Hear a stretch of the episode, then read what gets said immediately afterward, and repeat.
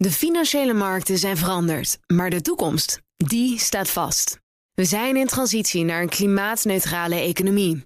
Dit biedt een van de grootste investeringskansen van onze generatie. Een kans voor u om mee te groeien met de pioniers van morgen. Meer weten? Ga naar carbonequity.com. Carbon Equity. Do good by investing better. Een goedemorgen van het FD. Ik ben Hella Huk en het is vrijdag 25 november.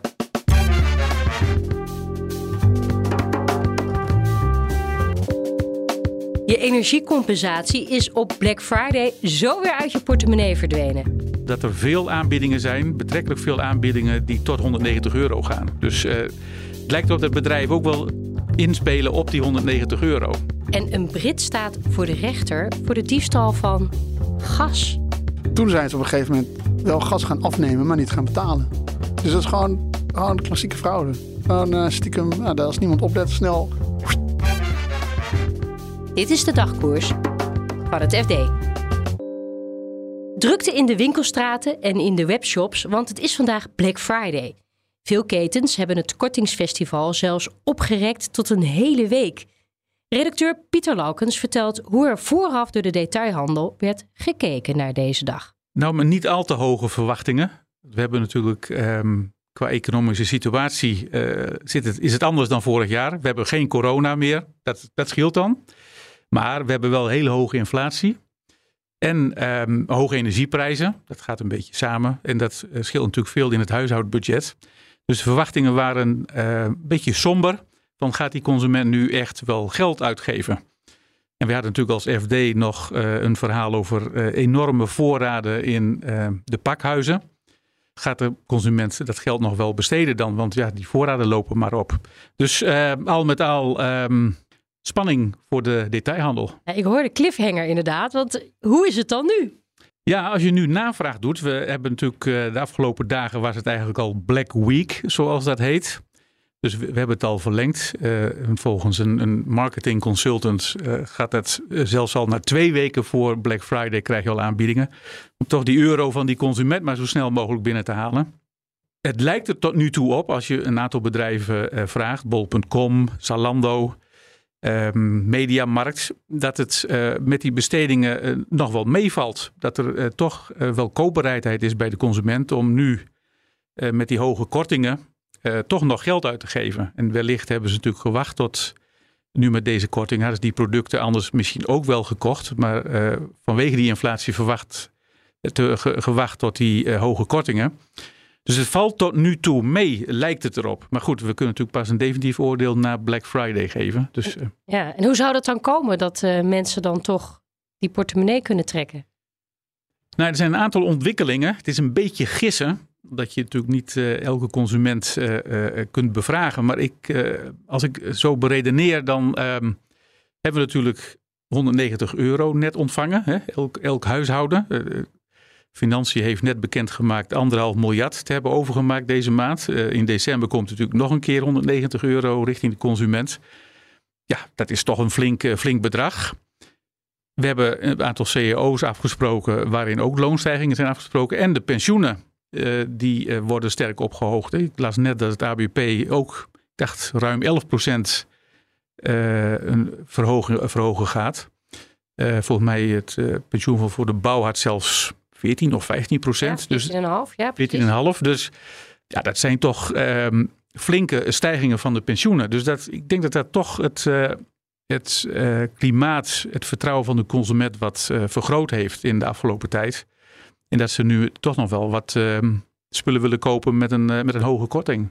Want iedereen heeft inderdaad 190 euro overgemaakt gekregen.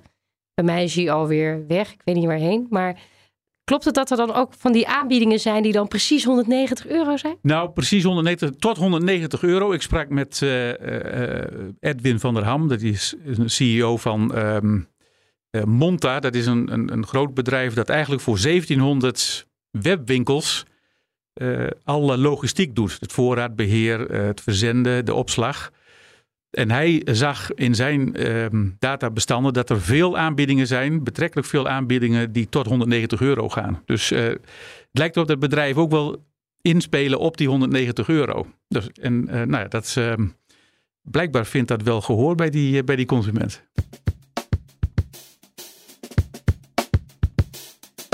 De handel op de Nederlandse gasmarkt is een ingewikkeld en voor sommigen een lucratief proces. Een Britse handelaar dacht er ook goed aan te kunnen verdienen. Maar nu wordt hij door het Openbaar Ministerie verdacht van diefstal.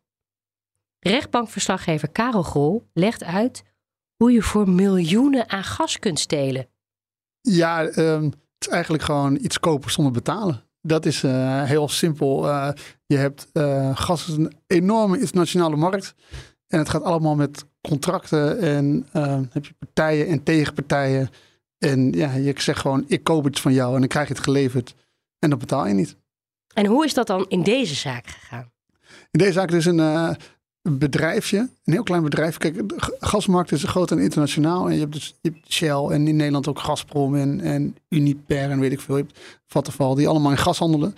En daaromheen heb je er een hele zwerm aan hele kleine bedrijfjes die ook handelen. Want het is een termijnmarkt en het is allemaal vrij virtueel. In dit geval was een heel klein bedrijfje. Dat heeft toegang gekregen tot de Nederlandse markt. Dus dat mocht uh, gaan handelen in Nederland. En op een gegeven moment hebben ze gas ontrokken uit de markt. Maar de markt moet in evenwicht zijn. Het klinkt, uh, want als het te weinig gas is, dan krijg je gewoon te weinig gas. Dus als je uh, gas koopt, moet je um, gas onttrekt uit de markt, moet je ook zorgen dat je er weer gas inpompt op een of andere manier. Dus dan moet je dan anders weer, je koopt en je verkoopt. Nou, het moet allemaal in balans zijn. Dit bedrijfje heeft op een gegeven moment is, uh, gas gaan onttrekken uit de markt, maar heeft niks teruggebracht. Dus ze hebben gewoon ja, een beetje afgeroomd. En daar hebben ze um, rekeningen vervalst. Of eigenlijk transactie-overboekingen vervalst. Zeiden ja, we hebben wel geld, we hebben wel geld, we gaan binnenkort weer dingen doen, maar dat hebben ze nooit gedaan. Wat even terug naar het begin. De rechtszaak waar jij was, dat was een Brit. Ja. Die was benaderd door een paar mannen in Dubai van laten we een, een gasbedrijfje. Zo is het gegaan. Hij had een, hij is een, een, een Brit was een eenpitter of wat was het? Misschien een secretaresse in, in dienst of zo. En hij handelde af en toe op de markt. En hij had een bedrijfje in Engeland. En toen op een gegeven moment hoorde hij via via, er is interesse voor je bedrijf. Oké, dacht die vent. En dat is interesse van Britten in Dubai. Dus nou, hij naar Dubai, rondgeleid, gefeteerd, dat is allemaal mooi. En die mensen zeggen, wil je bedrijf al kopen? Nou, dacht hij, uh, prima. Dus hij is toen ook naar Dubai verhuisd. En daar hebben ze dus dat gasbedrijfje. Uh, en hij was een eenpitter. Hij dacht, nou ja, dat maakt zij mijn bedrijf mooi. En dat is een beetje een shady transactie. Niet helemaal duidelijk, want hij heeft het nooit echt verkocht. Maar GasUnie in Nederland die uh, hebben een, een gasnetwerk en daar valt ook de gasbeurs onder, TTF. Dus Absoluut. zij bepalen of jij überhaupt wel die markt op mag ja. eigenlijk. En dit bedrijfje van deze, of het nou van die Brit was of de, of de andere mensen, daar, daar ging ook deel van de rechtszaak over, die mocht op dat Nederlandse, uh, die Nederlandse TTF, op die gasmarkt. Dus ze waren bona fide, ze, hadden, ze konden aantonen dat het allemaal klopte. Uiteindelijk met gas en met stroom, je moet onderpand hebben onderpand eisen. En dat, eh, daar konden ze aan voldoen. Aanvankelijk althans. Op een gegeven moment, hoe kan je dan 16 miljoen jatten? nou ja, door op een gegeven moment niet te betalen. Dus ze zijn, aanvankelijk zijn ze gewoon uh, op de markt gekomen. Een beetje kopen, verkopen, vermoed ik dan dat het gaat. En toen hebben ze vlak voor kerst, toen ze wisten van het is, uh, zit natuurlijk niemand, geen hond meer op kantoor. Toen zijn ze op een gegeven moment wel gas gaan afnemen, maar niet gaan betalen. Dus dat is gewoon, gewoon klassieke fraude. Gewoon uh, stiekem, nou, als niemand oplet, snel. Maar op een gegeven moment kwam er wel een ING-afschriftje. Eigenlijk wordt het heel snel opgemerkt. Van goh, er wordt niet betaald. En toen dachten ze van, nou, misschien is ze zitten nog maar een maand op deze markt. Dus misschien weet ze ook niet helemaal hoe het werkt. Uh, dus ze, willen, ze moeten garantie hebben dat je kan betalen. Toen hebben zij die garanties hebben ze, over, uh, hebben ze doorgestuurd, zodat ze nog even konden blijven handelen. En die garanties zeiden van nou, binnenkort uh, ING Polen, dat is een rekening. Jullie krijgen geld, gasunie. Maar ja, dat geld kwam er niet. En die garanties die zijn niet van echt onderscheiden in, maar die blagen gewoon nep. Was het verweer van die Brit? Uh, ik heb er niks mee te maken. Hij zei, ik had mijn bedrijfje en ik, ik had een beetje ceremoniële functie. Dus ik nam af en toe nog een telefoon aan en ik stuurde nog eens een mail. En, maar ik had er operationeel niks meer mee te maken.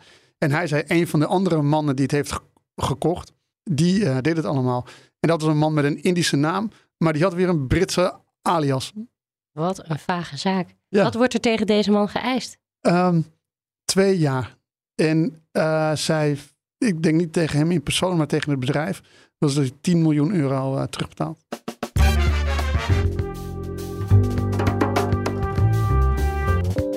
Dit was de dagkoers van het FD. Je vindt ons elke ochtend in je favoriete podcast-app. En het laatste financieel-economische nieuws vind je op fd.nl. Nog een hele fijne dag en graag tot maandag.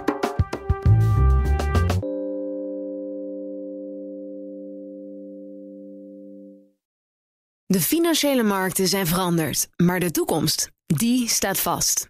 We zijn in transitie naar een klimaatneutrale economie.